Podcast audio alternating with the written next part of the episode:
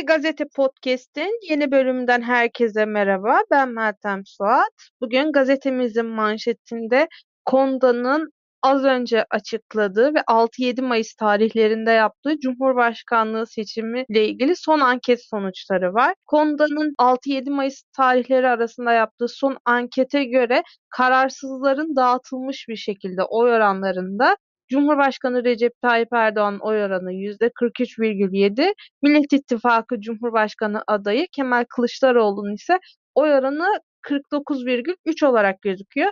Bu da demek oluyor ki Kılıçdaroğlu ilk turda bitirmeye çok yakın bir noktada. Sevgili arkadaşım Cem'e hemen şunu sorarak başlamak istiyorum. Cem, konuda 2018 seçimlerinde de seçim sonuçlarını çok yakın bir farkla bilen bir anket firması ve son yayınladığı ankete göre bu bir işaret olabilir mi? Sen Konda'nın anketini nasıl yorumluyorsun? Konda Türkiye'nin en önemli araştırma şirketlerinden birisi ve önceki seçimlerde de isabetli tahminler yaptığını biliyoruz. Seçime en yakın zamanda açıkladığı bu anket aslında diğer anket şirketleri için de geçerli bu bir prestij anketi. Yani burada yaptığı büyük bir hata, büyük bir isabetsizlik kendisine bir şirket olarak bir prestij kaybı olarak geri dönecektir. O yüzden kendilerinin de çok titizlikle çalıştığını tahmin ediyorum. Bu anket 6-7 Mayıs tarihlerinde yapılmış. Bu tarih şundan dolayı önemli. 7 Mayıs'ta İmamoğlu'na Erzurum'da bir saldırı olmuş ve muhalif seçmenin çok tepkisini çekmişti. Bunun etkilerinin de tam yansımadığını göz önüne almak lazım. Yüz yüze görüşme yöntemi kullanılmış. Bu telefonla yapılan anketten çok daha gerçekçi, çok daha makbul bir yöntem aslında. Baktığımızda 3480 kişiyle yüz yüze görüşülmüş ve 35 il çerçevesinde bu yapılmış. Hata payı %95 güven aralığında 1.7, %99 güven aralığında 2.2. Yani oldukça isabetli bir, kendi iddiaları oldukça isabetli bir anket sonucu önümüzde var. Senin de söylediğin gibi Kılıçdaroğlu 49.3 olarak gözüküyor. Erdoğan ise 43.7 olarak gözüküyor. Tabi burada kararsızların dağıtılmış olduğunu da belirtelim. Bu sonuçlara göre baktığımızda Kılıçdaroğlu'nun oldukça farkı açtığını görüyoruz. Yani bu anket sonuçlarını tamamen veri kabul edersek ikinci tura kalsa bile ikinci turda Kılıçdaroğlu'nun çok rahat kazanacağını öngörmek lazım. Fakat burada hesaplanmayan birkaç nokta var. Onu da belirtmek lazım. Birincisi kararsızların oransal olarak dağıtıldığını görüyoruz burada. Oransal dağıtım kararsızlarda her zaman doğru olmuyor. Kararsızlar içinde bir adaya eğilim de olabiliyor. Bunun dışında yeni vatandaşlık almış olanların, oy verme hakkına sahip olanların rakamları açıklanan resmi rakamlar çok yüksek gibi gözükmese de onların da bir payı olacağını bir kenara koymak lazım. Bir de bunun dışında yurt dışı oyları var. Zaten Konda'nın açıkladığı raporda ona da dikkat çekiliyor. Yani yurt dışı oyları burada yok. Yurt dışı oylarının nasıl etki ettiğini de hesaplamak lazım buna. Aynı ankette oy oranlarına da bakmak istiyorum. Yani milletvekili seçimlerindeki oy oranları. AKP 35, CHP 27.3, İyi Parti 12.4, Yeşil Sol Parti 10.5, MHP 8 olarak çıkmış. Burada milletvekili dağılımını vermemiş ama bunu ben de milletvekili il bakıyorum. Bu oy oranlarını milletvekili dağılımlarına uyguladığımızda iktidar kanadının çoğunluğu kaybettiği sonucu çıkıyor. Yani özetle Konda'nın anketine göre Kılıçdaroğlu kazanıyor. Cumhur İttifakı da meclisteki çoğunluğunu kaybediyor. Bir diğer nokta belki deprem bölgesinin de etkisi olabilir burada. Kendi notlarında da var bu. Yani deprem bölgesi sonuçta illere baktığımızda deprem bölgesinde anket yapmak tabii ki çok çok zor. Dolayısıyla oranın etkisinin ne olacağını tam olarak bilemiyoruz. Sadece oranın oy tercihindeki değişim değil, oy veremeyenlerin de olduğunu hesaplamak lazım. Yani bölgeden göç edip tekrar oy vermeye geri dönemeyenler de var. Tüm bu bilgiler ışığında son üç güne giriyoruz. Biz de sonucu heyecanla bekliyoruz. Ben şöyle bir noktaya dikkat çekmek istiyorum. Şimdi partiler bazında bakıldığında MHP'nin oy oranı %8 olarak gözüküyor Konda'nın anketinde. Senenin başından itibaren herkes MHP'nin en fazla %4 alacağını iddia ediyordu ve öngörüyordu. Sen bu %8'lik oy oranını nasıl yorumluyorsun? Özellikle de bu Sinan Ateş cinayetinden sonra MHP'nin herhangi bir tepki göstermemesi, Sinan Ateş'le ilgili herhangi bir adım atılmaması ve hatta Sinan Sinan Ateş'in kitaplarını dağıtanlara bile engel olunması ülkücü camia içerisinde bu hiç etkili olmamış mıdır sence ve bu %8'lik oy neye işaret?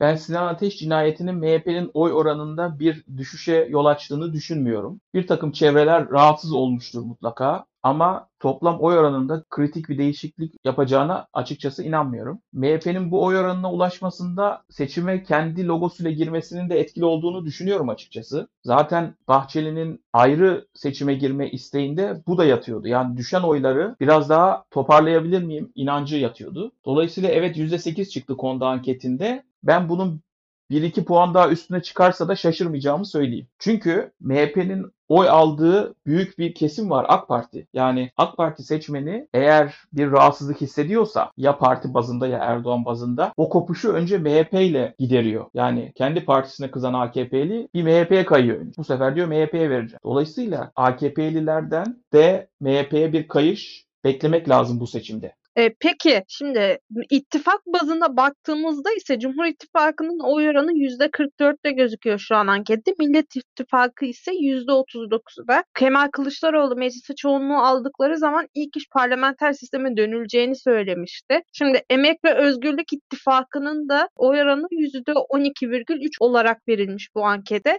Yani Millet İttifakı ve Kemal Kılıçdaroğlu Emek ve Özgürlük İttifakı'nın desteğini alarak mecliste parlamenter sistemi ve anayasa değişikliğini gündeme getirebilir mi şu an? E, şu ankete baktığımızda.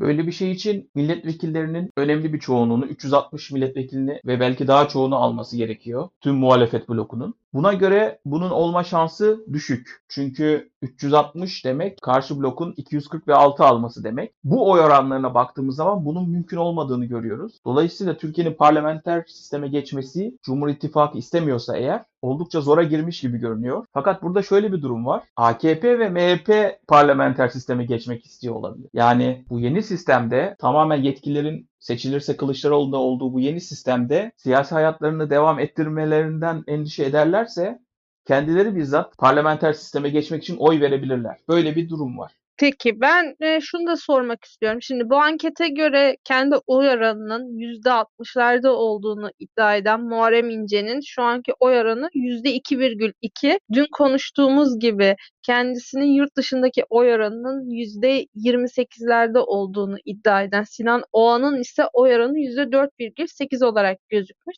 Yani bunlar seçimin sonucunu değiştirecek oy oranları mı sence? Bu hani bu %4'lük ve %2'lik kısım yüzünden seçim ikinci tura kalabilir mi? Evet seçim ikinci tura kalacaksa zaten İnce ve Oğan'ın aldığı oylar yüzünden olacak. Fakat ikinci tura etkileri açıkçası çok belirleyici olacak mı? Onu bilemiyorum. Çünkü aldıkları oy oranları düşük seviyelerde. 3, 4, 2, 5 bu civarlarda. Eğer bir %10'luk bir blok olsaydı o adayın tercihi önemli olabilirdi. Ama şimdi iş minimumda ve eğer bu anketi gene baz alırsak bu kadar bir fark olursa yani benim tahminim şu zaten %3 ve üzeri bir oy farkı yakalayan aday zaten ikinci tur kazanır şu görünümde. Yani %3 ve üstü durumda diğer adayın çevirmesi çok çok zor. Peki, son olarak şunu da sormak istiyorum. Geçtiğimiz günlerde yaptığımız bölümde dedik ki seninle seçimin gidişatını ve seçimin sonuçlarını etkileyen belli faktörler sadece anketler değil, borsada da bir işaret olabilir dedik ve şu an Kılıçdaroğlu'nun kazanma ihtimalinde bile konuda anketini açıkladıktan sonra Borsa İstanbul inanılmaz yükselişe geçti.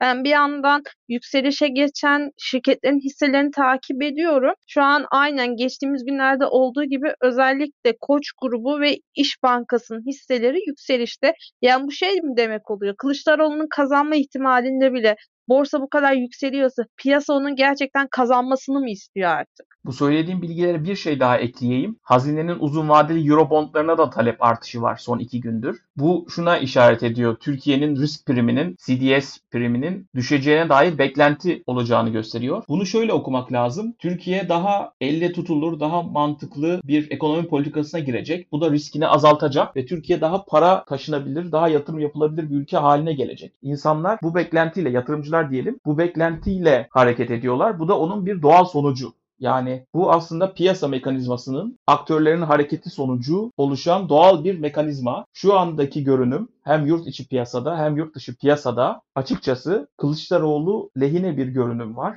Ama tekrar ediyorum bu seçimdir. Yurt dışı oyları var. E, Erdoğan'ın devletin gücünü kullanması var. Yeni vatandaş olmuş olayların oyları etkilemesi var. Bu tip faktörler de var. Ama gelen sinyalleri okursak böyle bir okuma da önümüze çıkıyor açıkçası. Cem, şimdi bugünün en önemli gündemi e, Konda'nın anketiydi şu zamana kadar. Ancak az önce Muharrem İnce'nin yaptığı açıklama gündemde bir bomba etkisi yarattı. Muharrem İnce 45 gündür kendisine yapılan itibar suikastlerinden dolayı e, Cumhurbaşkanlığı adaylığından çekildiğini açıkladı. Sen hem İnce'nin adaylığının çekilmesini hem açıklamasını hem de bu durumun sandığa nasıl yansıyacağın hakkında fikirlerin ve görüşlerin nelerdir? Yani bu Kemal Kılıçdaroğlu'nun lehine dönebilir mi bu %2,2'lik oy oranı? İnce'nin adaylığı başından beri tartışmalıydı zaten. Özellikle CHP seçmeni İnce'nin seçime girmemesini, Kılıçdaroğlu'na destek olmasını istiyordu. Ama İnce'nin bir iddiası vardı ve bu iddiayı devam ettirebilmek için CHP'den gelen teklifi de reddederek aday oldu. Kendisinin açıklamasını dinledim. Açıklamasında 45 gündür büyük bir saldırıya uğradığını iddia ediyor. Elbette bu tip saldırılar olmuş olabilir ama CHP merkezli olarak CHP seçmeninden çok ağır bir bombardımana maruz kalmadığını da söylemek lazım. Çünkü CHP seçim yönetimi İnci'nin itibarsızlaştırılmamasını, ona daha çok oy kazandırılmamasını, onunla ilgili çok negatif bir kampanya yapılmamasını istedi. Bundan dolayı çok fazla yara aldığını, çok fazla darbe aldığını söyleyemeyeceğim. Son bir haftaya kadar. Son bir hafta kaynağının ne olduğunu açıkçası kimsenin bilmediği bir karalama kampanyasına maruz kaldı kendisi. Ve bununla baş edemedi. Elbette Mart ayında %10'lara kadar çıkması onu adaylığa itmişti. Son gelen anketlere göre oyu oldukça düştü. Hatta diğer aday Sinan Oğan'a oy kaybettiği söylendi. Dolayısıyla kendisi çekilme kararı aldı. Çekilmesinin etkisi olur mu? E, büyük olur etkisi. Her şeyden önce ince seçmeninin hepsi değil, çok ağırlıklı kesimi de değil ama en az yarısı ikinci turda Kılıçdaroğlu'nu destekleyecek bir tavırdaydı. Yapılan anketlerden çıkan sonuç buydu. Dolayısıyla seçimlerde inceye oy verecek seçmenlerin bir kısmı oy vermeyecektir, bir kısmı sandığa gitmeyecektir. Fakat belki yarısı ve fazlası Kılıçdaroğlu'na dönecektir diye tahmin ediyorum. Bu da Kılıçdaroğlu'nun bugün açıklanan konuda verisinde 50'nin hemen altında görünen Kılıçdaroğlu için çok büyük bir avantaj. Şu an İbre biraz daha Kılıçdaroğlu'na döndü diyebilirim. Şu an İnce'nin seçilmesiyle birlikte 3 Cumhurbaşkanı adayı kaldı. Bu durumda pazar günü bu iş ilk turda bitecek mi? Pusulada yer alacak İnce çünkü basıldı pusulalar. Hatta İnce'ye de biraz oy çıkacağını düşünüyorum protesto için. Ama o anın aldığı oyun seçimi ikinci tura taşıyacak kadar bir yüksekliğe ulaşıp ulaşmayacağını açıkçası bilemeyiz ama inceden sonra bu ihtimalin yükseldiğini söyleyebiliriz. Yani şu an gerçekten seçimin ilk turda bitmesine de çok yakınız gibi görünüyor. Cem ek olarak şunu da sorayım ve öyle kapatayım podcast'imizi. İnce'nin çekilmesiyle birlikte seçimin dengeleri artık iyice değişti. Ve ben şunu merak ediyorum. İnce gerçekten son bir haftadır kendisine yapılan itibar suikasti ve karalamalar yüzünden mi çekildi gerçekten sence? Yoksa bu Konda'nın anketiyle beraber oy oranının %3'ün üstüne çıkamayacağını anladığı için mi çekildi? kendi itibarını korumak için de bunu yapmış olması elbette muhtemel. Yani İnci'nin oy oranı %7-8'de olsaydı çekilir miydi? Düşünüyorum. Bence çekilmezdi. Dolayısıyla o havayı yakalayamadığı için kendisi siyaseten de tecrübeli bir isim. Kendisini biraz daha korunaklı bir alana çekmek istedi diye düşünüyorum. Peki çok teşekkürler değerli görüşlerin için. Sesli Gazete Podcast'in bir bölümün daha sonuna geldik. Bugün Gazetemizin manşetini Konda'nın yayınladığı son seçim anketi ve Muharrem İnce'nin Cumhurbaşkanlığı adaylığından çekilmesi süsledi. Sesli Gazete'nin geçmiş bölümlerini yeniden dinlemek ve yeni bölümlerimizden haberdar olmak için bizleri Spotify, iTunes ve Google Podcast kanallarımızdan takip edebilirsiniz. Daktilo 1984'ün diğer yayın ve içeriklerine göz atmak için web sitemizi ziyaret etmeyi ve YouTube kanalımıza abone olup katıl butonuna tıklayarak bizleri desteklemeyi unutmayın. Ayrıca bu sesli gazetenin seçim yasakları olduğu için artık seçimden önceki son baskısıydı. Pazar günü her podcast'te tekrarladığım gibi lütfen sevgili dinleyicilerim bu işi ilk turda bitirmek için sandığa gidin ve oy kabinine girerken seçmen kağıdınızı, kimliğinizi ve vicdanınızı unutmayın. Hoşçakalın.